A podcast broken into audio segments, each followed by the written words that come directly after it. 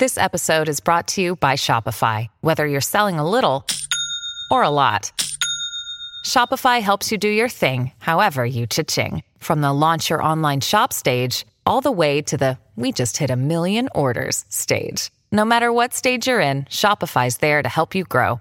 Sign up for a $1 per month trial period at shopify.com slash special offer, all lowercase. That's shopify.com slash special offer.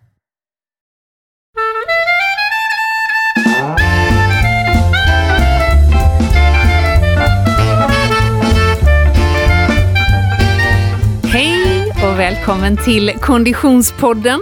Vi är framme vid avsnitt nummer 25 denna tredje säsong. Och jag som pratar heter Frida Zetterström och i normala fall sitter ju Oskar Olsson vid min sida. Men eftersom det är så mycket lediga dagar och röda dagar och påskiga dagar och jobbiga dagar just nu så är han iväg på ett stort jobb. Så producent Niklas har tagit hans plats. Hej Niklas! Tjena! Hur är läget? Ja men det här känns det bra. Det var härligt. Det är helt enkelt Veronica bakom spakarna, precis som eh, vanligt nu för tiden. Eh, Du Niklas, vi är ju inne i en eh, Asics Stockholm Marathon specialperiod. Mm. Det är inte så långt kvar nu. Nej, och och jag tycker det syns väldigt mycket i ditt eh, Instaflöde. Distanserna blir längre och längre. Just det, eller hur? Oh, blir alldeles svettig. Här ska inte springas någon för min del, men däremot eh, eh, Oskar Olsson ska ju springa Asics Stockholm Marathon. Eh, man skulle kunna tro att han är ute och tränar och det är han väl säkerligen. Eh, men eh, en som är ute och tränar för fulla muggar just nu är dagens gäst. Hon befinner sig på andra sidan jordklotet, men i förra veckan var hon här och gästade oss och vi pratade maraton med henne.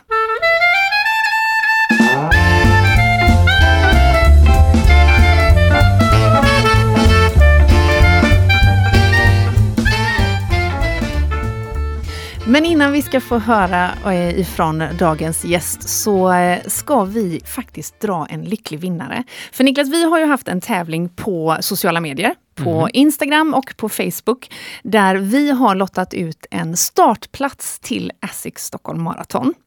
Eh, eftersom Asics är vår fantastiska poddpartner den här perioden.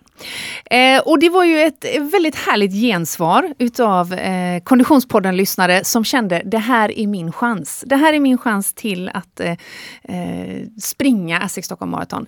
Och vi har en vinnare. Mm. Det var, men jag måste säga, det var ju förvånansvärt många som ändå tänkte att det här kan jag göra på kort varsel. Jo, Eller? ja, så kan det ju vara. Det kan ju Mm. också vara så att man faktiskt är i en maratonträning fast man inte hade anmält sig till just Essex Stockholm Marathon. Nej. Eller hur?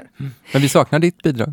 Det kommer ni fortsätta sakna faktiskt. Någon måste hålla i poddmikrofonen, brukar vara mitt försvar. För nu har vi en vinnare. Ska vi läsa upp motiveringen? Ja, Ja, den lyder så här. Jag skulle vin- vilja vinna den här startplatsen så att jag skulle kunna springa bredvid min mamma och hjälpa och peppa henne till att klara sitt första maraton. I det här laget är jag lite rädd att det är Hugo, 14 år, min son, som har skrivit, men det är det inte.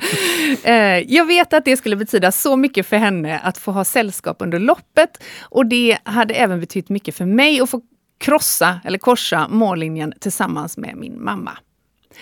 Och den här personen är ju om någon värdig en eh, startplats alltså. jag tycker man har massa frågor som man eh, vill veta hur många maraton hon har sprungit och vilken tid. Och, Och varför mamma, Mamma. ska springa. Ja men precis. Ja, ja. Men och, vi ringer, upp, pappa med? vi ringer upp den här tjejen tycker jag. Japp. Hej, det är Alice. Hej Alice, det här var Frida och Niklas från Konditionspodden. Hej! Hallå! Grattis Alice! Tack så mycket. Du, vi är ju väldigt fascinerade av din motivering. Så fascinerade av att vi eh, tänkte det här är ju vinnaren. Men du måste berätta lite. Ett, Vem är din mamma? Ja, min mamma är... Eh, hon, hon skulle springa... Eller hon ställde upp i Stockholm Marathon förra året. Eh, vilket var hennes första maraton då. Hon är en hurtig, hurtig liten kvinna som har gjort både svensk klassiker och det ena med det tredje. Okej. Då skulle hon på sitt första maraton och var ju en av dem som lyckades springa fel. Oh, oh, Oj! Så hon kom, hon kom ju i mål men hade ju bara sprungit 36 kilometer då eller vad det var. Nej! Så nu ska ju hon på maraton igen. För Ja. hon vill ju bli en maratonlöpare såklart. Ja, vem vill inte det tänker jag. Nej, Ja. Men du, på va- den vägen är det. men en, en, en hurtig liten kvinna eh, Ja. säger du. Vad, vad, vad, hur gammal är din mamma? 55. Okej. Och hon, Ja. har hon en historia av att ha löptränat mycket eller eh, var det här bara en, en idé? Nej, de tio senaste åren har hon väl hållit igång med löpningen. Då tycker jag nog ändå man får, eh, då, då har man kvalat in. Men hon har en egen startplats och Ja, du. Du såg det här eh, eh, inlägget hos oss på Konditionspoddens eh, Facebook och tänkte det här är min chans eller? Ja, jag, jag ha- hade inte, jag hade gärna, eller jag hade inte planerat att, att springa Stockholm själv. Jag ska springa maraton nästa helg. Eh, så Okej! eh, i Prag. Men så tänkte jag att äh, det hade väl varit kul att springa med mamma och hjälpa henne i mål. Okej! Ja, då är du i alla fall i form för det då. Men, eh, men eh, berätta lite om din eh, träningsbakgrund bakgrund då. Jag är, har väl sprungit i hela mitt liv ända sedan jag kunde gå. Eh, har ett förflutet som 8 och 1500 meters löpare. Men sen så har jag gått över på lite längre distanser och börjat med triathlon. Jag bor i Kalmar så här håller ju nästan alla på med triathlon så det är svårt att liksom inte låta bli. Eh, Men även löpning då såklart. Och nu, nu ska jag på mitt första maraton tillsammans med min sambo då. Oj, vad spännande! Det blir kul. Så om en jag vecka, så precis, så om en vecka ska du springa ditt första maraton. Jajamän, i Prag. Okej, och vad, vad, hur har uppladdningen sett ut eh, fram till dess? Ja, men vi har fått till bra med pass tycker jag. Det har blivit ungefär 5-6 mil i veckan och ett långpass då upp mot runt 3 mil. Sådär och eh, nej men vi har fått friska och skadefria och det är väl det som har gjort att man har fått kontinuitet i löpningen. Eh, det har känts bra och det ska bli kul att se vad man kan gå för nu. Fantastiskt. Man har ju, man har ju bara hört talas om vad som händer när det är en mil kvar liksom så jag ser fram emot det. Ja. Vad har ni för tidsambition då? Och jag vill väl egentligen bara ta mig i mål för jag tänker att jag kommer ju slå pers oavsett vilken tid jag tar mig in på. Ehm, min sambo vill väl ner under tre timmar. Oj. Oj, Eh, okej. Så ja, Mm. jag hakar inte på honom men eh, Okej, ja, un- under fantastiskt. 3.30 hade ju varit jättekul. Ja. En, Hänger din mamma med i det tempot? Nej, det, det blir nog lite tufft. Okej.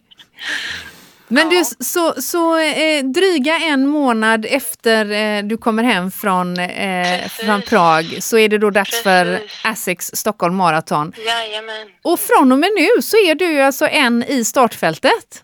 Ja, herregud.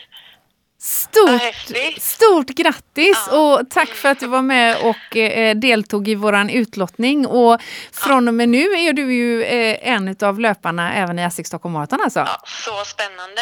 Mm. Men du, vi kanske... Vi Mam- kanske Mamman är nog gladast av oss alla.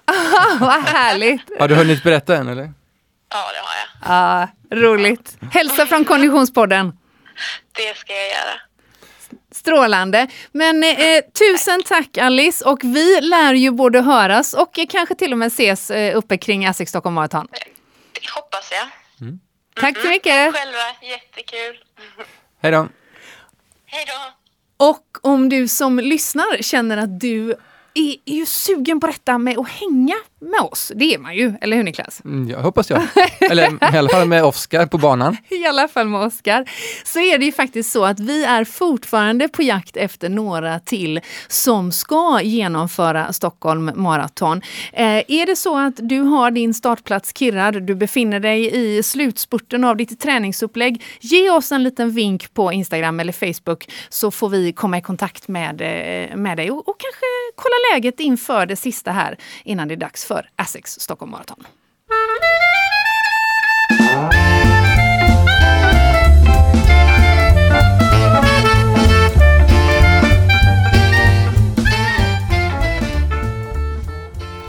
Är vi framme vid programpunkten Producent Niklas träningsvecka. Eh, programpunkten som har blivit en hashtag som har blivit något av en följetong på Instagram.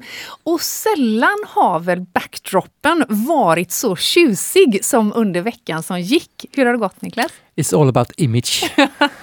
Tell me about it! ja, men det var, eh, det var en utmaning. Mm. Men eh, miljön inspirerade. Och, och hela området eh, runt eh, Garda är ju otroligt inspirerande i, i många hänseenden, men så mycket aktivitet det finns. Ja, alltså jag misstänker att det här har varit en eh, fantastisk vecka. Programpunkten Procent Niklas träningsvecka springer ju ur det faktum att vi försöker, eller ja, inte vi, jag kan inte ta på mig något av detta. Oskar försöker hjälpa dig hitta motivationen att träna varje dag eh, och eh, som steg på vägen har du haft utmaningen träna tre gånger i veckan vara framme vid träna fyra gånger i veckan. Och inför förra veckan då du skulle vara nere vid Gardasjön så gav du dig själv utmaningen att testa på att träna varje dag. Mm. Blev det så? Ja, men det blev, jag lyckades. Och eh, det är ju lite lättare när man inte har eh, vardagen mm. runt sig hela tiden. Men eh, jag ska ju erkänna att det kändes ju eh, i kroppen alltså. Mm. I eh, sista dagen så var man inte jätte, jättepigg. Så jag tror kanske att man behöver någon vilodag emellan.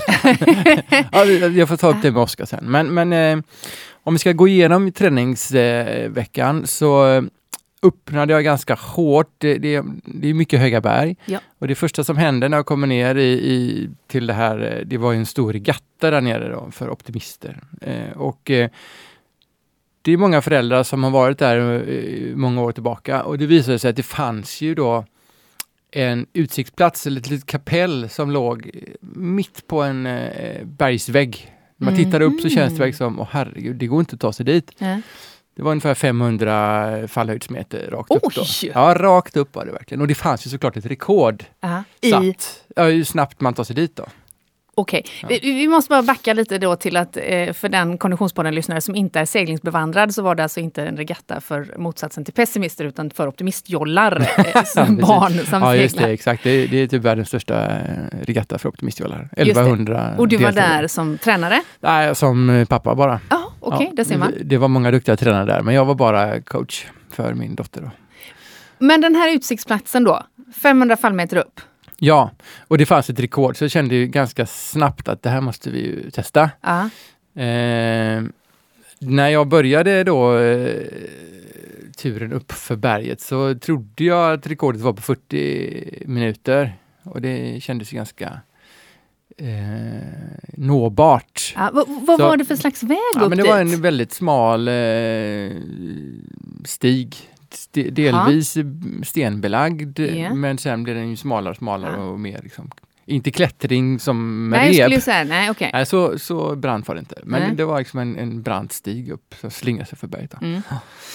Ja, men så jag klättrade upp där på 45 minuter och kände mig ganska, ganska nöjd ändå med mm. att det var så nära rekordet kände jag. Men sen när jag kom ner så visade det sig att det var ju någon som hade gjort det där på 23 minuter då. så, Oh, det var inte no. så, ja. ja. Men det, det, var en bra start på yeah. veckan. Det var yeah. ett, det, totalt så tog det ju en och en halv timme ungefär. För det var inte lätt att springa ner heller, utan det var ganska bra. Så det var bra puls uppåt och så det var det ganska bra eh, styrka för ben ner. Då. Så det blev ett pass på en och en halv timme. Sen eh, misstänkte jag, jag pratade om det innan där, jag hoppas att det skulle finnas lite cyklar och sådär och det visade sig att det var vimlade av cykelaffärer mm. och eh, uthyrare och väldigt mycket mountainbikes. Så det blev nästa dags eh, pass. Ett mountainbike-pass mm. på fyra timmar. För jag skulle säga, det där såg ut som ett långpass. Det var mm. åtminstone väldigt långa, många inlägg ja, i precis. samma följ där. det var väldigt långt eh, och väldigt vackert. Ja.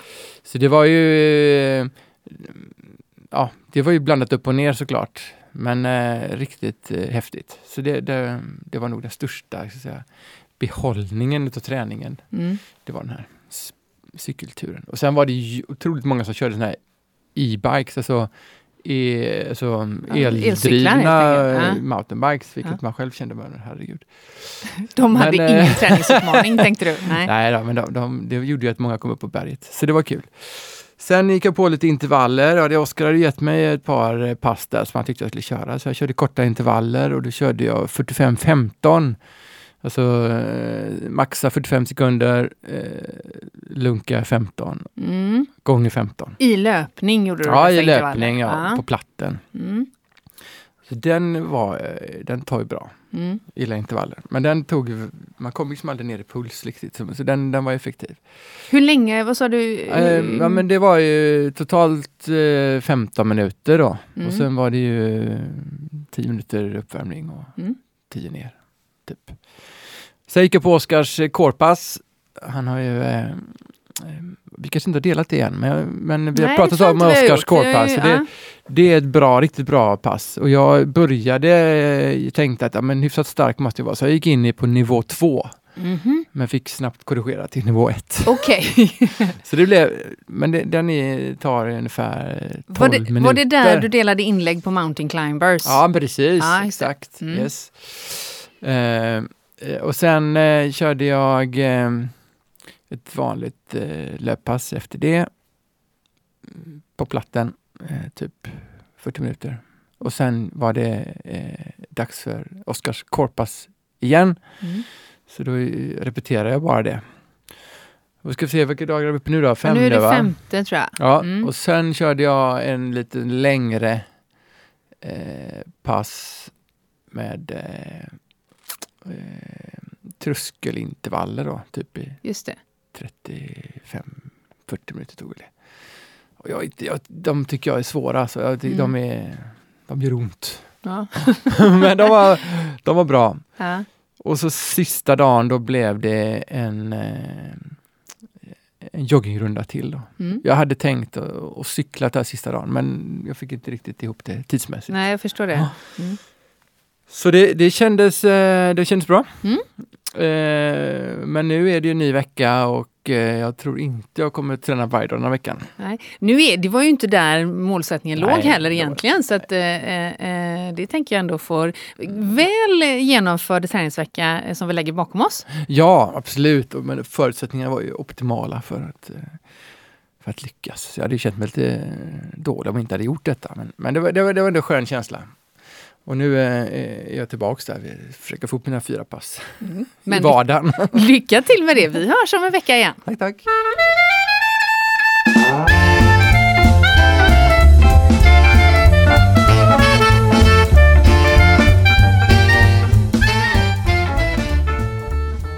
Och då säger vi hej och välkommen till veckans gäst som är ingen mindre än Charlotta Fogberg. Hej! Hej, tack så mycket. Hur är läget? Ja men det, det är väldigt bra. Jag blev väckt på morgonen så det, nu är jag, hoppas jag håller mig vaken hela podden. När vi eh, soundcheckar här inne i poddstudion så brukar vi inleda med att man får i mikrofonen tala om vad man åt till frukost för att våran ljudtekniker ska kunna ställa in ljudet. Och då när du Charlotta skulle göra det så svarade du genast vilken utav frukostarna? ja, Eftersom eh, två frukostar eh, har naturligtvis passerat med ett träningspass emellan. Vad tränade du den här morgonen? Eh, den här morgonen eh, stod det 20 gånger 300 meter på grus med eh, 45 sekunders vila. Tufft. Ja. Ja, känner att min lilla löprunda där i morse den bleknar i jämförelse. Nej, det gör den inte. Du Charlotta, eh, för den Konditionspodden-lyssnare som eh, inte är bekant med dig, eh, berätta helt kort, vem är du och hur har din karriär sett ut upp till nu? Eh, startade när jag var 12 år och så gick det sakta men säkert eh, uppåt. Det blev bättre och bättre resultat. Men det var först 2013 när jag sprang mitt första inomhus eh, internationella mästerskap här i Göteborg. Eh, sen eh, började jag fokusera på 3000 meter hinder, har ett svenskt rekord och eh, ett EM-silver. Men eh, och så, vi löpare springer ju oftast, eh, testar de distanserna runt omkring men nu har jag valt att fokusera på maraton. Just det. Det kan ju låta som en ganska stor förändring från 3000 meter hinder till maraton. Det är det. vad, vad, vad, är, vad är bakgrunden till den eh, skiftningen i inriktning och, och genre? Nej men jag eh, gjorde ju väldigt bra ifrån mig 2014 och sen eh, hade jag men vi tränar ju på en sån nivå att vi ligger på gränserna. Eh, och det klarade inte riktigt min hälsena och jag hade otur några gånger att bli eh, ja, men trampa snett och då är det inte alltid vi klarar det och då får jag en bristning i hälsenan. Eh, så vi valde inför 2018 att gå mer, fokusera mer på 5 och 10 000 meter. För att eh, det är inte riktigt de farterna som krävs, inte lika mycket spikskor och eh, inte för att jag springer över hinder så ofta så är det ändå när jag gör det att det är en större belastning. Mm. Eh, och jag testade ju även att springa en halvmara i april 2018 som gick väldigt bra. Var, gick lite för lätt och där började väl tanken kanske gro lite om maraton men eh, då var det ju fokus 5 och 10 och jag hade inte riktigt släppt hinder än. Det ligger mig väldigt varmt om hjärtat. Så, eh, men efter säsongen eh, 2018 så ja, vi, vi kan testa springa en mara. Det kommer inte förstöra uppbyggnad eller någonting. Det är nästan bara att jag kommer liksom bli starkare i min uppbyggnad då, om jag väljer 3000 meter hinder inför 2019. Så, Ah. eh, Och vad var det någonstans efter säsong säger du? Var är vi i kalenderår då alltså? eh, då är vi eh, men, ja, men september Just det. ungefär. Och, och eh, för, för alltså april 2018, det är exakt ett år sedan. Så sprang du då en, en halvmara eh, för Mm. första gången på tävling. Var, var var det någonstans? Eh, det var i Stresa i Italien. Vad hände i dig då? Vad var det som, liksom, vad, vad var det som vaknade till liv? Nej men det var ju Jag har ju aldrig tävlat på den distansen och jag har inte tävlat så mycket på 10 000 och 5 000 egentligen heller. Så det var ju en liten inspiration i uppbyggnaden och få testa något nytt. Eh, och jag visste inte riktigt vad som skulle hända och det, man behöver ju hålla, ha mer tålamod och hålla en konstant hastighet i början och inte förivra sig för att du kan gå in i väggen och det är jobbigt om det är eh, två mil kvar eller på att säga. Men eh, även om det är kanske en eller fem kilometer kvar då på en halvmara. Ah. Eh, Men det kändes liksom lätt hela vägen när jag sprang en halvmara. Och jag avslutade ju den på 3.05 och det tycker jag väl egentligen inte att man ska klara av att göra på en halvmara. Då har man lite för mycket krafter kvar. För, så, eh, och då, det var väl då att det var lite för lätt kanske. Jag kan springa fortare och jag kanske kan dubbla distansen. Men hur tänkte du när du stod på startlinjen? Hade du, hade du något, satt någon måltid för dig själv eller var du fokuserad på någon speciell alltså konkurrens, alltså alltså dina konkurrenter att följa med eller känna på det eller var du helt bara i din egen bubbla? Det var ju första gången, du visste ju inte kanske hur kroppen skulle svara. Och, Ja precis. Eh, och där är det väldigt positivt att jag är så öppen som jag är mot vad som kan hända. Och att det som händer, det händer liksom och så gör man det bästa av situationen. Eh, men ju närmare, jag litar på min tränare, eh, men ju närmare en tävling jag kommer och en tävling eller en distans som jag inte har gjort innan litar jag på honom ännu mer liksom. Men då kanske jag går över 100% nej men mm, eller så.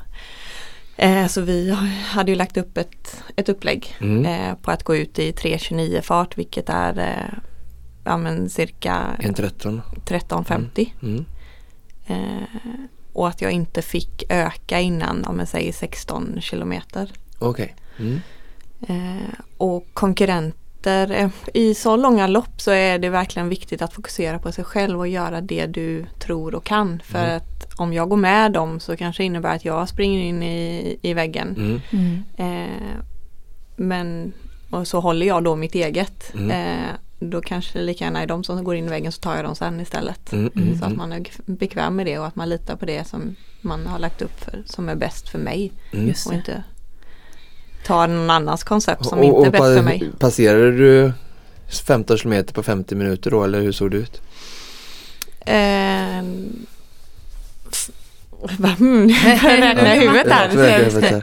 Eh, men eh, men jag passerade 17, 52,5 blir det. Mm. Ja, passerade um, 10 på eh, höga på 33 eller 34 någonting. Ja det är ju en bra bit under 3,29 då. Tror jag. Mm. Eh, ja och då märkte ju för då hade jag även hjälp av Anders Gral. Ja. Eh, en väldigt duktig löpare från Hälle, Popcorngänget där ja. Ja. och eh, han märkte att hon har lite för mycket krafter kvar för att vi sprang förbi en glaceria och jag bara gelateria. och så var det någon som tog kort så jag körde tummarna upp och ja, det var det var inte tillräckligt fort för att jag skulle behöva hålla ett strikt fokus Just kanske det. men ja, man, det krävs ett fokus för att springa väldigt fort och hålla fart. Eh, så vi ökade lite innan 16 då Mm. för att han märkte att det fanns mycket där. Mm, mm. Och vad, och vad slutade det? Du får inte fortsätta. Ehm, nej men vi sprang på och ökade och ökade och jag hängde med hela tiden och på det loppet så är det två backar i slutet. Snällt lagt. Ehm, men jag kände mig bra och stark uppför dem. Ehm, så jag pinnade på och eh, sen när det var en kilometer kvar så eh, Johan, eh, coach, brukar, eh, han brukar cykla så han brukar liksom komma till vissa ställen så. Eh, och se hur det ser ut och peppa och heja. Och då var han när det var en kilometer kvar och då skriker han ju att Går du under 3.10 på den här så, så har du möjlighet att springa under eh, 1.12. Oj! Eh, eller, ja, eller, och jag bara, oh shit, är det möjligt att springa under 3.10 på en halvmara Ja, sista ja, kilometern? Ja, ja, men vi kör. Så jag, jag lubbade allt vad jag kunde. Liksom.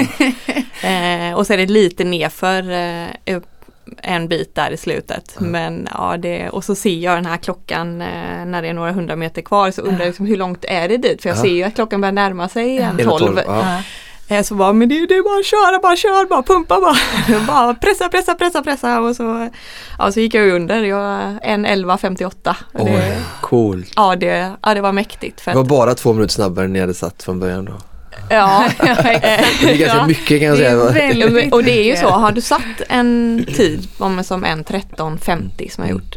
Eh, man kan inte påverka det supermycket liksom. För har du hållit den farten så kan Ja, du liksom inte helt exakt. plötsligt bara gå ner till 70. Nej, nej. Eller en nej, och tio nej, då. Nej, nej.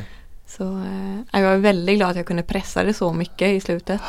Vad betyder det för dig att coach Johan som du refererar till, som för övrigt gästade oss i Konditionspodden förra veckan, avsnitt 24, eh, var han här och, och berättade om maratonträning. Men att han, alltså att han att han finns där så, så tätt inpå och har den här peppande rollen. Vad, vad, vad får det för effekt för dig? Ja men han betyder ju väldigt mycket liksom hela tiden, liksom hela året. Eh, I träning och pepp om man dippar eller sådär. Men just en tävlingsdag så betyder det otroligt mycket att få ha han där och speciellt då på men, säg en halvmara, en mara som jag aldrig har gjort Nej. innan som jag inte är bekväm i. Eh, och han, han känner ju mig på ett sätt som ingen annan gör för att han har ju sett hur jag agerar, han har sett hur jag rör mig, liksom, han, han kan ju se på min kropp liksom, i ett Mm. rörelsemönster som ingen annan kan för att han har ju sånt vant öga och så har sett mig när jag eh, stapplat fram eller när jag flyger fram. Mm. Eh, Så han kan ju se på mig och se hur jag agerar och om jag är väldigt nervös eller inte nervös om vad han behöver göra för att peppa mig. Eh, Och just tävlingsdagarna så brukar jag vara ganska tyst. Eller då, tävlingsdagen Ja. närmare in på jag kommer och det är skönt att han vet det, han säger det han behöver och allt han säger jag ska göra då, det, det jag gör det. Jag, det. jag litar liksom fullt på vad han tror att jag kan göra den dagen. Jag tänkte på det när du sa att du står där på, på startlinjen och, och det gäller att gå in i sitt, sitt eget race eftersom man inte riktigt vet eh, de man ska springa eh, parallellt med. Det kan ju också ha att göra med, tänker jag, att du kan ju inte den konkurrensen lika väl eftersom du inte har tävlat på de distanserna. För det måste sett annorlunda ut såklart när du var som mest aktiv under 3000 meter hinder där du kunde varje konkurrens exakta rörelsemönster eller Mm. liksom ambitioner. Ehm, lägger ni någon tid på att titta, göra konkurrensanalyser nu inför den här satsningen? Ja men det, och där är ju Johan och även Rickard Mattsson som är min andra coach eh, ett väldigt bra arbete. Och nu när det är Mara och halvmara så är det väl framförallt Johan. Eh, Rickard Mattsson är ju eh, väldigt mycket med när det gäller, ja men säg Lovisa Lind. Eh,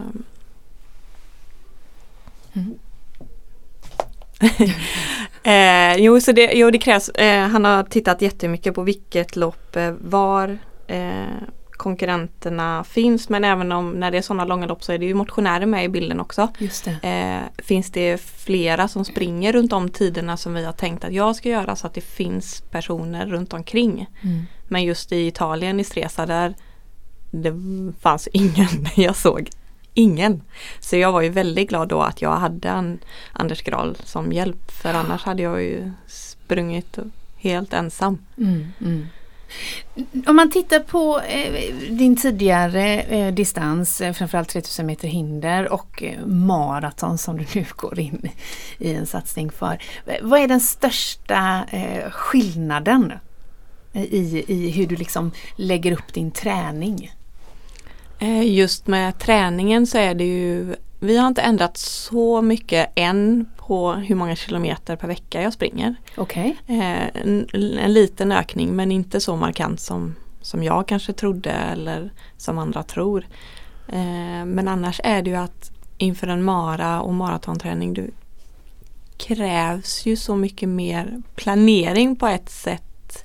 Ja men med kosten framförallt. Mm. För äter du för mycket fibrer eller eh, dricker inte tillräckligt eller får i dig salter och mineraler så, så kommer du inte klara av sträckan. Just Det det. är ju så länge. Eh, och med träning också är det ju att långpassen har förändrats. De har blivit så mycket längre. Förut sprang jag ju inte, off, sprang jag ju inte över 25 nästan. Men nu inför maran så var jag uppe på 38 och så är det en, ett trösk, en tröskel på 14 kilometer i det. Och sen få avsluta med en, en tröskel sista kilometern också. Den var snäll. Den ser för pigg ut. eh, och så är det mer eh, tröskelpass eh, och lite färre intervaller i de högre hastigheterna. Ja just det. För det är klart att hela explosiviteten är ju inte lika viktig kan, kan man naturligtvis tänka som Ja, tidigare. absolut. Men där har jag ju ändå en fördel att jag vet att jag kan springa fortare om det är så att jag kommer i en spurtduell med Ja. någon. Då kommer jag kunna boosta mig själv tror jag. För, för jag tänkte just eh, fråga det, vad har du för nytta av din, av din bakgrund eh, i en maratonsatsning? För jag, man, om man tittar tillbaka till sista kilometern där i Italien så är det klart som tusan att du kopplade på en, en helt annan del av hjärnan. Ja. Eh, som man kanske som traditionell maratonlöpare inte sitter inne eh, med samma resurser. Ja men absolut, jag tror att jag har en jättefördel eh, att komma underifrån. Eh, I och med att jag känner en trygghet att jag kan öka. Och att jag ändå byggt upp mitt tålamod. För på 3000 meter hinder behöver också ett tålamod för att går du ut för fort så, så stumnar du och då är det jobbigt att ta sig över hinder Ah. och hoppa över eh, vatten. eh, det, jag, tror, det är bara, jag ser bara fördelar med att komma underifrån. Mm. Och att det blir en ny inspiration att springa, springa längre. Men tror, du, eh, Musse gjorde lite samma eh, övergång ju. Jag tänker, jag, utan att veta, men att eh, det känns som en 3000 meter hinderlöpare är mer styrkelöpare än vad de springer bara 3000 eller 1500 meter är. Och att det skulle kunna krävas liksom lite mer styrka i slutet av en maraton och att det kanske kan gynna er, så- alltså du och Mustafa. Eller? Eh, jag tror, jag skulle nog säga att, att det är mer kondition eller Okej. man säger, Mm, mm. eh, på 3000 meter hinder än säg 1500. Ja. Eller, eh, för 3000 meter hinder kan vi mer likställa med, ja, men, säg 5 eller 10 000. I och med att du aldrig har en, du behåller inte din löprytm. Du bryter den hela tiden. Det är Mm. 35 hinder på ett 3000 meters lopp. Just det. Eh, men sen är ju jag lite av en styrkelöpare. Eller jag, jag har ju liksom mus- muskulärt nedre parti liksom Ja. med mitt säte och mina lår. Eh, så jag kan ju springa på styrka och det kan gynna mig också att jag har kan bygga upp muskler och sen så kan jag så gör det ingenting om jag tappar muskulatur kanske under säsong eller i liksom under ett maratonlopp för Ja. jag, jag har lite att ta av. Just det. Just det. Ehm, vad är det som tilltalar dig Charlotta med de långa distanserna?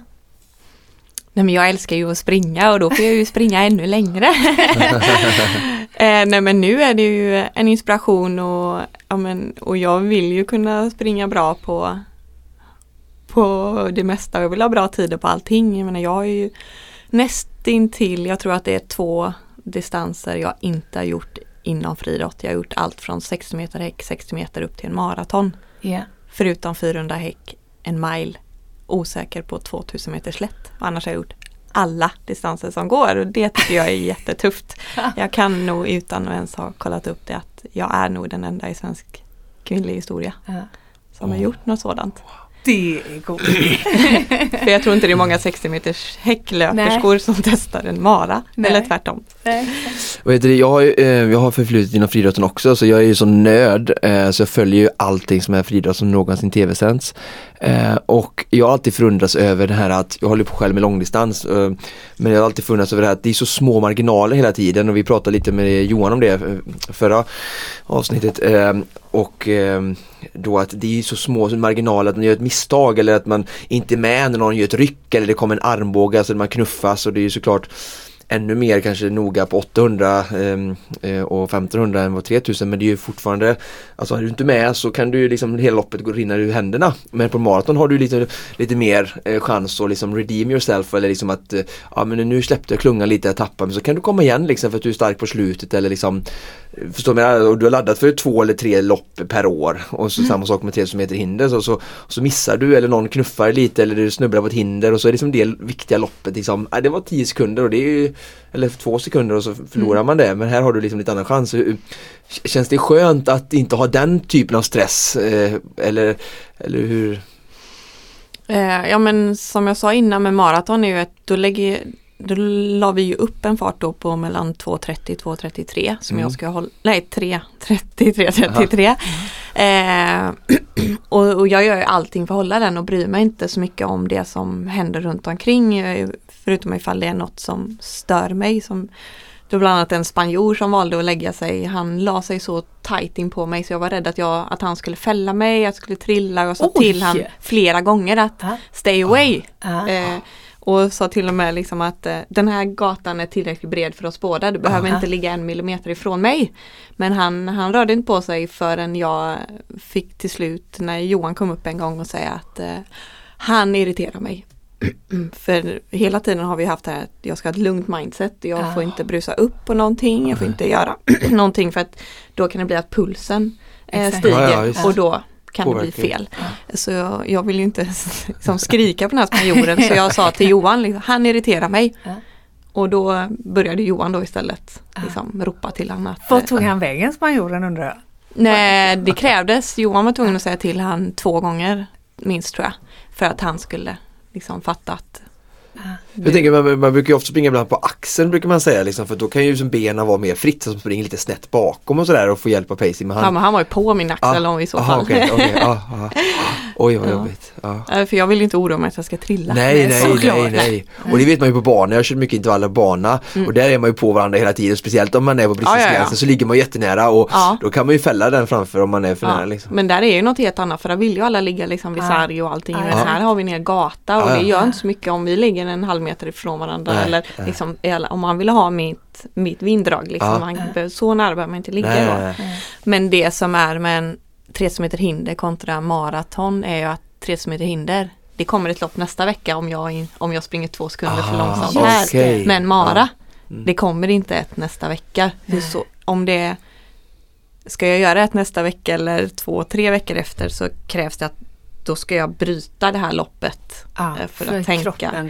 Men alltså, Ja. sen ska jag hitta det där eh, bra loppet då väldigt tajt inpå. Det är inte säkert man gör det heller. Så att det är nästintill en högre oro att det ska hända något under Mara. Ja, för, för att man bara gör två, absolut max tre, Tre skulle jag säga. Och jag som inte är rutinerad eh, har ju valt, eh, jag gjorde den Mara nu 17 februari och sen nästa är VM. Om jag blir uttagen till det, vilket jag hoppas. En- 17 februari gjorde jag det. Sevilla. Ja. Eh, och 27 september är ju Just. VM. Eh, så jag gör ingen mara där emellan för att eh, jag tror inte att jag klarar det. Men, men du, du säger 17 februari sprang du nu. Mm. Och var, var, var var det någonstans? Sevilla i Spanien. I Sevilla, Spanien. Och hur gick det? Ja, det gick ju väldigt bra.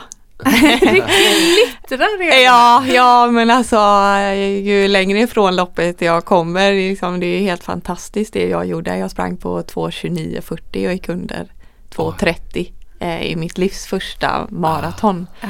Nu är det nästan jag blir så här, känns, liksom tårar i ögonen. Ja, det, ja. för, och, och snitta liksom på 3.32. Det, nu kan jag göra tröskelpass och jag kom inte ner på 3.32 och då liksom jag bara, vad gjorde jag liksom i 42 kilometer? Det är, alltså det är magiskt. Ja, det var ju alltså det upplägget du hade på halvmara då. Ja, Så tre. typ Ja, där hade jag- farten. där hade jag tre. farten, Jo, du slog Ja. ju den men du, du, man kan då bara tänka sig för bara ett år sedan så Ja. var din målsättning den hastigheten. Ja, nästan. På, på, 1.13.50. på, Ja. ja. 3.24 var ju sn- slutsnittet på halvmaran. Ja. Men det var de, mina två sista kilometer på maran gick på 3.24. Det här är lite intressant grej som kanske för våra lyssnare. Vad, hur, har, mm, hur resonerar Johan där och hur väger prestationerna? Alltså att, hur tycker han att drop-offen är där? 3.32, 3.24 snitt, halva distansen, det skiljer alltså 8 sekunder per kilometer. Eh, har ni resonerat kring det? Är det mycket eller är det normalt? Typ om man an- tar Gral till exempel eller någon annan löpare, skiljer också 8 sekunder eller kan man förstå vad jag menar? Mm. Eh, jag vet faktiskt inte vad det brukar, vad det brukar skilja. Nej. Eh, men där är jag, jag har en tävlingsskalle. Mm. Eh, som, ja men just liksom, att jag, det finns ju vinnarskalle och tävlingsskalle och jag det är som något helt annat bara kickar i min hjärna när det är tävling för att mm, som innan när jag sprang halvmaran så hade jag bara gjort enstaka kvalitetspass för att jag hade haft eh, problem med eh, hälsenan efter 2017. Eh, och var liksom inte jätteofta nere på den tiden jag skulle ha på halvmaran. Men när, det, när jag springer halvmaran så är det lekande lätt. Mm. Mm. Det har ju något klickat i huvudet liksom där. Och sen också att man självklart drar ner på träningen mm. inför de här loppen. Det måste man göra inför de långa så att du har all energi du kan tänka dig att få. Men, men vi befinner oss nu då i, i precis eh, i starten av den här säsongen får man väl ändå säga. Eh, och, och, och du har gjort ett utav två inplanerade maraton, det andra ligger i, i september. Eh, vi fångar ju dig lite med resväskan i handen. Imorgon åker du på träningsläger för att värme akklimatisera eller? Ja, både först åker jag till Sydafrika eh, i tre veckor och sen sista veckan avslutar jag i Dubai för att eh, värmeakklimatisera mig inför, inför ett eventuellt Doha. Som Just. går VM i Doha eh, i september. Jaha, så ni gör det som värmeartiklar för att testa så här redan nu alltså, det är intressant. Ja, eh, de säger att för att man ska klara av att springa i den luftfuktigheten upp till 85 procent säger Ja, de, ja. eh, som det kommer antagligen vara, Mm. så måste man vänja sig. Just det. Eh, och det är väl lite det som min styrka ligger i, att jag är inte talangen som springer superfort. Eh, om jämförelsevis med, ja, men jag satsar inte på de kortare distanserna utan Nej. jag går ju mer för de längre. Utan jag har helheten, jag äter rätt, jag vilar rätt, jag eh, tränar eh, liksom rätt eh, och, så, och smart. Eh, det är min styrka och, och förbereder mig nu. Så nu börjar jag förbereda mig inför då. V- vad står mer på, ditt, eh, på din agenda fram till september? För du säger ju eventuellt, för det handlar om Mm. kvalificering antar jag? Eller? Ja, de har ju inte tagit ut nej. eh, tjejerna än. Precis. Det är ju lite, det är ju vi är ju flera stycken. Det, Ja. Jag tror aldrig det har hänt att det är en fight vilka som ska springa Ah, maraton. hur många platser har vi om vi börjar där? Tre. Tre svenska Och tjejer jag får tror åka. att vi är fyra, kanske fem nu. Ja. Och alla Fyra. sitter där med sitt träningsupplägg, sin frukost, sin träningsskalle och alla vill liksom, ni vet, och så vet ni om varandra också, det är vi fem liksom. Ja, Och och, det jag springer kommer liksom, och jag, jag ska inte springa någon mer mara. nej, Hanna som ligger tvåa, hon ska inte heller springa någon mer mara än vad, vad vi har hört då. nej. Eh, och sen är det ju ehm, Isabella eller Michaela eh, där då. Och, Båda ska springa en mara till. Just det. och vad ska du, ni andra springa innan dess då eller vet ni Ja, det? Eller? precis. Eh, jag har inte koll på exakt vad de andra ska springa. Det jag vet som är närmast är ju först springer eh, stafettvarvet Ja, för eh, IT-företaget Koegi. aha, kul. Eh, jag och eh, några tjejer till. Och sen eh, är det Göteborgsvarvet. Är det första gången i livet? Ja, Ja, ja det är det. Jag har ju bara Wow. sprungit en halvmara. Och, och få göra, springa ut i Göteborgsvarvet, det, det är magiskt. och- Detta måste vi följa. Ja, vad roligt. Ja. Och göra det på hemmaplan, det Vilken eh, publik du kommer ha. Ja, Ja. Göteborgaren som, Verkligen. ja hela Göteborgsfamiljen. ja, alla kommer heja på. Ja, Och, och det måste ju ligga ganska nära in på att du kommer hem då, tänker jag. Ja. Eller vad, vad har vi kvar? Det är Doha, ja. Jo men det är ju planen, jag är ju på hög höjd eh, och vi har ju testat ut mina höghöjdsdagar vilket är 1, 3 och tionde dagen. Mm. Eh, och jag landar ju i, eh, i Dubai då, tio dagar innan. Just det. Så jag är på lågland tio dagar. För det är det upplägget vi kommer ha inför Men Doha. lite varmare kanske. Ja men nu är Göteborgsvarvet, där Kan- kan, Det kan bli varmt kan ja. bli väldigt varmt och Ja. då är jag redo för det. Just Ja, det, bra. 18 maj Ja, är precis. Just det. Och det, det är fortfarande svenskt mästerskap. Det är det. Ja, kul. Så jag hoppas på eh, SM-guld. vi får Gud, se, jag vet inte vilka som Ställer kommer. upp henne. Eh, Hanna sprang ju jättebra nu på halvmara. Vad sprang hon på då? Eh, en 12 någonting. Ja. Så det är nästan som en 11.58 och vad, vad vet du vad som krävdes förra året för att vinna svensk eh, SM-guld på Göteborgsvarvet?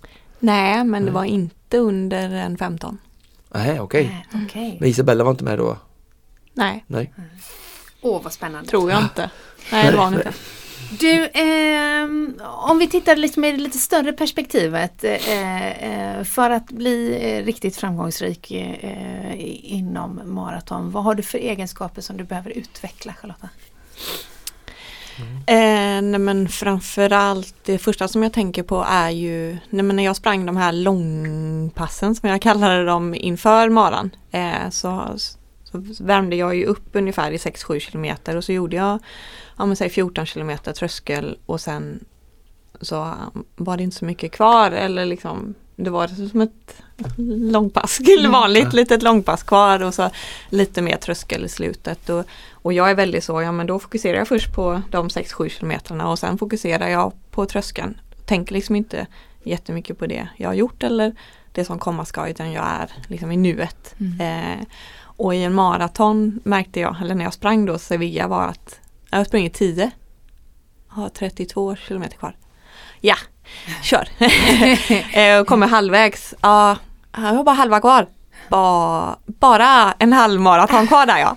Så det är något jag vet Ja. att jag får öva lite på hur jag ska lägga upp det mentala just under eh, loppet. Så, och där har vi förändrat lite i träningen att jag har långpass som är, om man säger 35 kilometer utan de här trösklarna.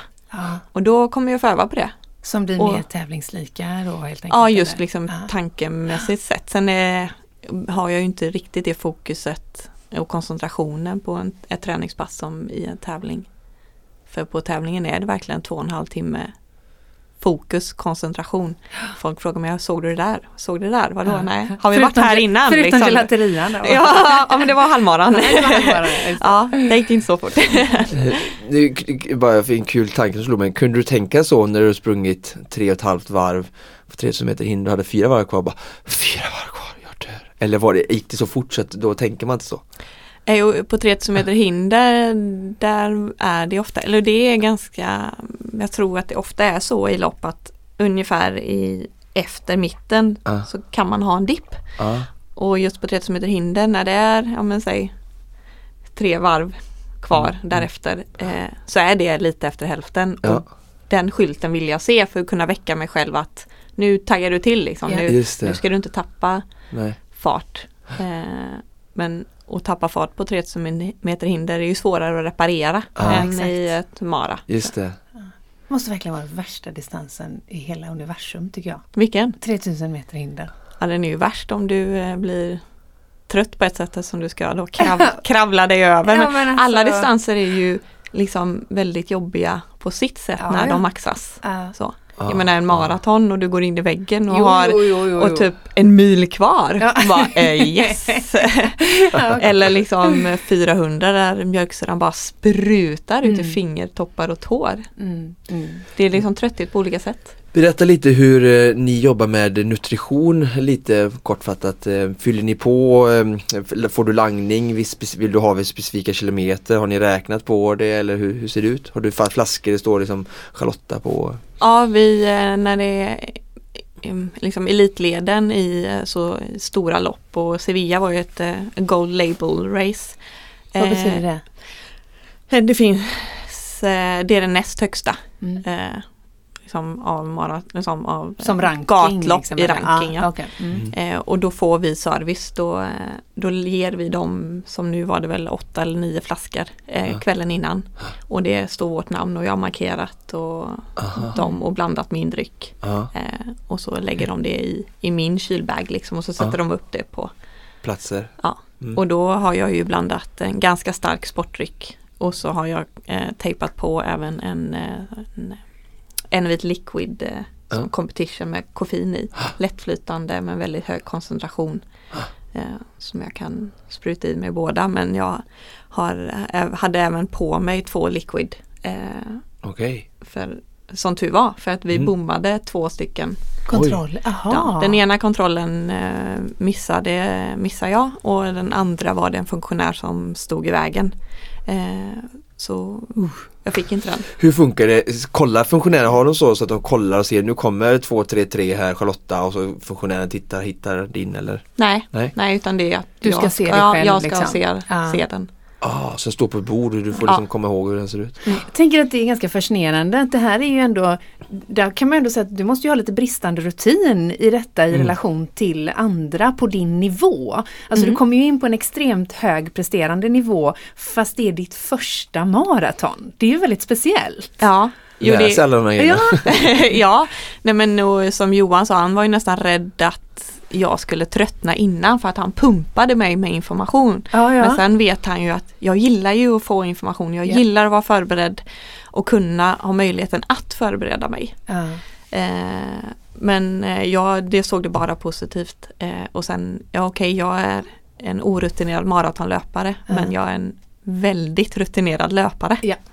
Eh, men Jo, jag behöver ju öva och det är ju med kosten eh, gjorde jag lite fel antagligen eller inte inte fel kanske men jag kunde gjort det mer rätt eh, inför med kolhydratsladdningen och jag tror att jag kanske laddade lite för mycket eh, drack kanske lite för lite eh, dagarna innan.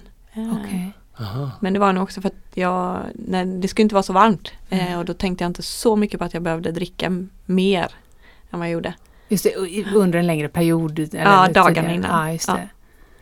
Men eh, åtta påfyllningar var det ni hade planerat i alla fall då på Mm. 42. Mm. Så ungefär var femte då. Mm.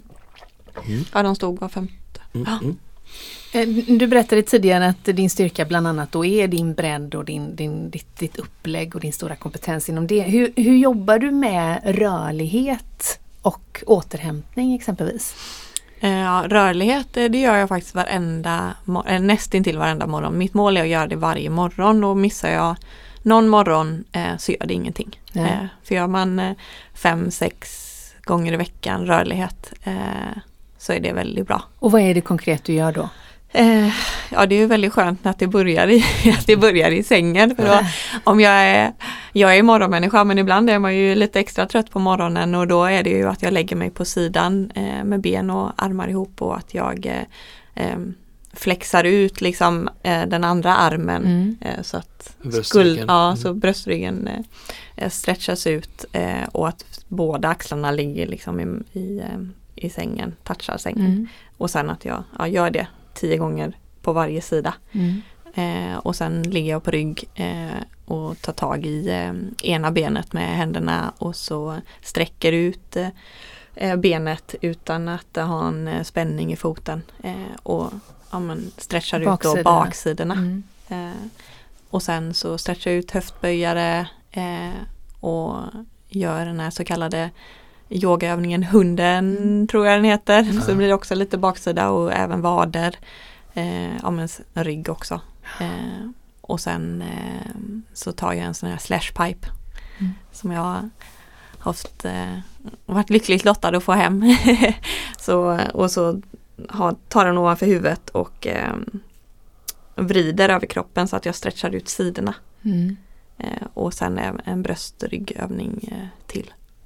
Hade du liknande rörlighetsträning även när du fokuserade på 30 meter hinder?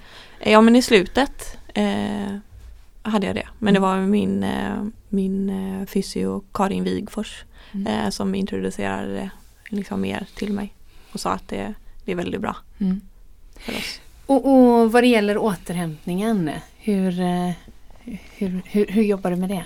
Eh, ja, men jag är, den är jag väldigt noga med. Ja, men både kosten, att eh, fylla på med energi så jag har energi till mina träningspass. Men oberoende på vad det är för pass att eh, få i sig eh, snabbt eh, efteråt. Och, och rätt. Jag är, jag är, väl, eller jag är väldigt, väldigt hälsosam av mig. Mm. Om jag älskar grönsaker, eh, äter mycket kolhydrater, det äter mindre av eller kanske protein då som jag behöver inte bygga så mycket men jag behöver mycket energi till mina pass. Ehm, och jag vilar ehm, en gång om dagen mm. vid, vid tretiden. Eller jag har satt upp liksom ganska så här, ja men äta ungefär ja, men 7, 10, 1, 4, 7 och sen kanske igen. Eh, jag vilar vid tre liksom för att det är det bästa upplägget för att jag ska klara av passen så bra som möjligt. Vila i bemärkelsen eh, mediterar eller sova? Eh, bo, olika. Ja. Är, är jag väldigt trött eh, och känner att ja, men jag kommer kunna somna här med en gång eller så, Mm. då, då sover jag. Mm. Eller så gör jag långsamma övningar. Mm. Så jag rör eh, motsatt armben eh, i 20 minuter väldigt långsamt. Just det. Mm. Vi har inte pratat, mm, arbetar du någonting eller jag tänker det påverkar återhämtningen? Eh, ja, det gör jag. Eller? Eh, jag jobbar deltid, eh, cirka 50% ibland upp, ibland ner Mm. beroende på. Mm. Eh, som ekonom. Mm.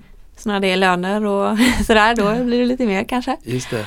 Eh, men väldigt flexibelt jobb. Jag får nästintill jobba var och när jag vill. Så jag kan jobba när jag är på läger. Ja, vad Eh, vilket är väldigt fördelaktigt eftersom jag är på läger en del. Eh, så att jag får lön även då. För det är ju verkligen en relevant fråga Oskar. Hur ser förhållandena ut för svenska elitlöpare idag just på de här eh, eh, aspekterna? Eh, jobbar alla? Eller vad är liksom... De flesta jobbar, sen finns det ju enstaka som inte gör det. Ja. Eller, jo, sen är det ju flera som studerar och det är väldigt fördelaktigt Mm. eh, att göra. Och vissa har ju även liksom redan från början bestämt sig för att det ska ta fyra år och inte tre år. Just det. Och så att de kan ta ett eh, sabbatsår då inför, de kanske ska läsa en master eller en magister. Eh, vilket gör att de sju, liksom förlänger studieperioden för att det är fördelaktigt att träna då. Eh, Men, men vad, vad, för det här är en helt ny värld för mig eh, och säkert för många av våra konditionsbanan-lyssnare också. Vad, vad kommer ditt största stöd ifrån eh, ekonomiskt? Är det sponsorer eller är det från eh, eh, samfund eller vad, vad är? eh, det mesta kommer från klubben och eh, dens eh, sponsorer. Mm. Sen eh, efter det så är det Craft Sportswear. Som eh, går in och stöttar mig lite. Eh, och sen eh, mitt jobb. Ja, Men, precis. Ja, ja, ja. eh, eller ja, eller ja. Nej, jobbet det kommer ju före. Ja, jo men det förstår Ja, jag. förstår jag, längd, men, ja, eh, såklart. ja. Mm, Och hur, hur, hur, eh, hur ser den internationella konkurrensen ut? Har du någon koll på hur dina liksom, kollegor eh, eh, finansierar sin eh, karriär? Eh, det jag vet är ju att eh, italienare, tyskar och amerikaner, sen finns det säkert fler, de är ju anställda av militären. Just det, det här var ju faktiskt Johan inne, Inne på, på, i förra, förra Ja. veckans avsnitt Och det är också. väldigt fördelaktigt. Eh, Jag gillar att jobba, jag gillar att socialisera och jag gillar att tankarna på något annat. Ehm, Men det är ju självklart ibland att det hade varit mer fördelaktigt för träningen att kanske inte jobba liksom eller så. Mm. Eh, Så de har det ju väldigt bra. Eh, Sen vet jag ju ingen aning hur mycket de Nej. får men det är ändå en trygghet för dem och det är en trygghet att när de är klara att de har ett jobb. Ja. Eh, och Ja. de får ju väldigt mycket stöd, liksom hela, hela alltet, hela teamet Mm. runt omkring. Eh, som där jag behöver tänka mycket liksom själv på vilka jag ska ta in och hur jag ska agera. Och, Jag kan tycka, det, det är ju alltid så med alla idrotter, så kommer det ju vara. Det är ju marknad som styr där också, precis som vi Mm. säljer produkter. Men det är lite paradoxalt tycker jag att oftast de idrotter som kräver mest timmar träningsmässigt, Mm. de har minst liksom pengar. Det finns ju andra idrotter, lagidrotter, jag ska inte nämna några namn i, i Sverige, där de inte behöver jobba och de tränar kanske inte alls lika mycket som du gör. Nej. Men det är ju för att intresset är större Ja. hos eh, Ja. gemene man. Men det är lite Jag är ju väldigt glad för deras skull. Ja, men ja. jag hade gärna haft det lite mer förspänt aha, jag också. Såklart. För att, så att jag skulle liksom kunna ja, men, ha med mig eh, liksom, nu när jag åker till Dubai till exempel. Jag har aldrig varit där. Jag, det är lite annan syn än här i Sverige till exempel. Eh, om, man är, om man är kvinna. Eh, så alltså jag jag eh, vill gärna ha med mig min tränare där Såklart. eh, och hoppas på att han kan komma ner. Eh, men det är inte en säkerhet och där annars hade, för det är ju ekonomin också då. För Ska nog jag hade jag haft honom. ekonomin då hade jag liksom sagt att jag betalar. Ja. Ja, jag vill ha med dig, jag vill ha, jag Ja. vill Mm. och sen ska det ju stämma in, in liksom med hans övriga aktiva Jo, som är otroligt viktigt Ja. också. Mm, mm. Eh, men och kanske hoppas på att han kan vara med i kanske fem dagar eller så. Mm, mm, Just när jag kommer ner och så att, man, att jag känner mig bekväm sen då. Mm. mm. Där när jag är. Hoppas att eh, eh, vi går mot en positiv utveckling för detta. För jag tänker ur ett marknadsföringsperspektiv från, för Sverige så är, Ja. idrottsprestationer likt din eh, Ja. ovärderliga, tänker jag. Ja, Ja verkligen. för vi måste ju marknadsföra oss då, men säg på Instagram eller bland annat. Men, men då, då har vi ju all träning och så vill vi ju återhämta oss och så ska vi ju Ah. eh, sköta kosten och så ska vi jobba och så ska vi eh, och ska vi även då liksom vara duktiga på sociala medier. Ja. Mm. Eh, alltså so, socia- sociala medier tar ju tid och det är ju liksom roligt också. Vad heter du på Instagram? Eh, Charlotta Fogberg. Enkelt och bra. ja. Skulle det kunna vara så att vi ur ett längre perspektiv skulle kunna förändra den finansieringsmodellen på grund av sociala medier tänker jag. För att idag finns det ju ändå ett fönster att visa på din prestation som är bredare än om man flyttar klockan bakåt i tiden, om vi tittar tio år tillbaka. Då var man ju avhängd på att TV sände. Sände inte TV, ingen sponsor Ja. är intresserad. Idag kan man ju ändå bygga upp sin egen följarskara och förhoppningsvis på så sätt attrahera sponsorer. Ja, för, i, för liksom yttersta eliten var det nog, det var det lättare för. Mm. Just det, För- för den lilla, lilla eliten liksom. Ja. Eh, för jag förstår ju företag eh, för att de når ju bredare och kanske tar de som ligger under eliten för att de kanske liksom på ett annat sätt syns mer eller de kanske jobbar som influencers. Ja. Då är det deras jobb. Ja, också, ja. Och då Mm. syns de ju liksom och kan Når ut och sprida. Mm, mm. Eh, absolut. Eh, men vi har ju andra jobb också. Ja, Liksom. Ja. Det här är ingen enkel nöt att knäcka. Och, Nej. Men vi, eh, vi, vi, vi följer dig på Instagram tänker Yes. vi nu då. Från och med nu. Eh, du eh, Charlotta, innan vi avslutar den här intervjun så vill vi ändå bara ställa den väldigt nätta lilla frågan. Vad är dina drivkrafter egentligen att nu satsa på maraton?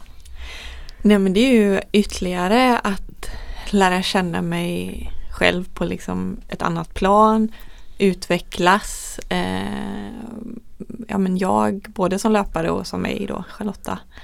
Eh, ja men jag gillar att testa nytt. Eh, jag inspireras av det. Jag gillar att testa nya maträtter. Jag gillar att åka till nya länder. Jag eh, gillar att testa nya distanser och ja, men utmana mig själv och se vad jag klarar av.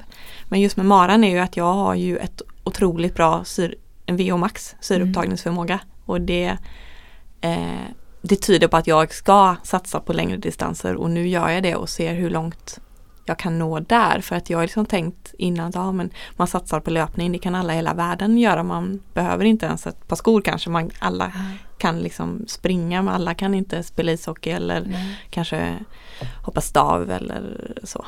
Eh, och, och undrar om jag har valt rätt sport eller så. Men jag tror att jag börjar liksom närma mig liksom min eh, bästa gren kanske. Ja. Så jag hoppas på det, att jag kan göra något stort där.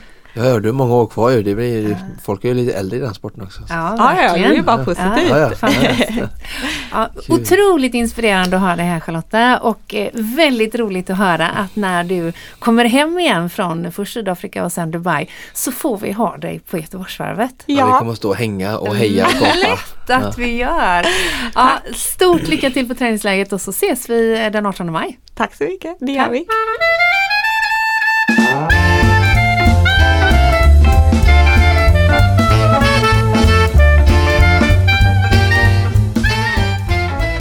Och det var allt vi hade att bjuda på för det här avsnittet. Tack så mycket för att du lyssnar. Konditionspodden produceras precis som vanligt av Fredag. Connect Brands with People.